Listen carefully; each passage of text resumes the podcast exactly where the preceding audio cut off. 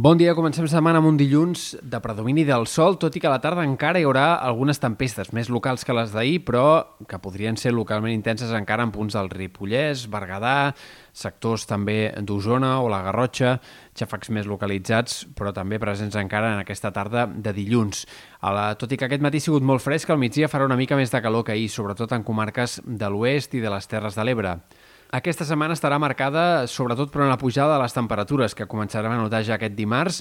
que s'accentuarà clarament aquest dimecres, que pot ser el dia de més calor de la setmana en comarques de Ponent, i que probablement tingui un segon pic de cara al cap de setmana, de manera que ens anirem instal·lant cada cop més amb unes temperatures d'estiu, fins i tot per sobre del que tocaria, tot i que no hi ha indicis tampoc, val a dir-ho, d'una situació de temperatures angoixants o d'una onada de calor. De moment encara en els pròxims 7 o 8 dies. Per tant, farem un cel cap amunt aquesta setmana, cap a més calor, però no tindrem tampoc temperatures extraordinàriament altes. Pel que fa a l'estat del cel, demà farà sol també i a la tarda hi haurà només alguna tempesta puntual cap als ports o a l'interior del País Valencià. Dimecres aquests ruixats s'estendran també ja a alguns sectors del Pirineu i entre dijous i divendres ja començarà a haver-hi també inestabilitat en altres sectors del Prepirineu, Catalunya central, és possible que també en altres comarques interiors o fins i tot a la costa i al prelitoral pugui haver-hi alguns ruixats de tarda de cara al tram final de la setmana lectiva.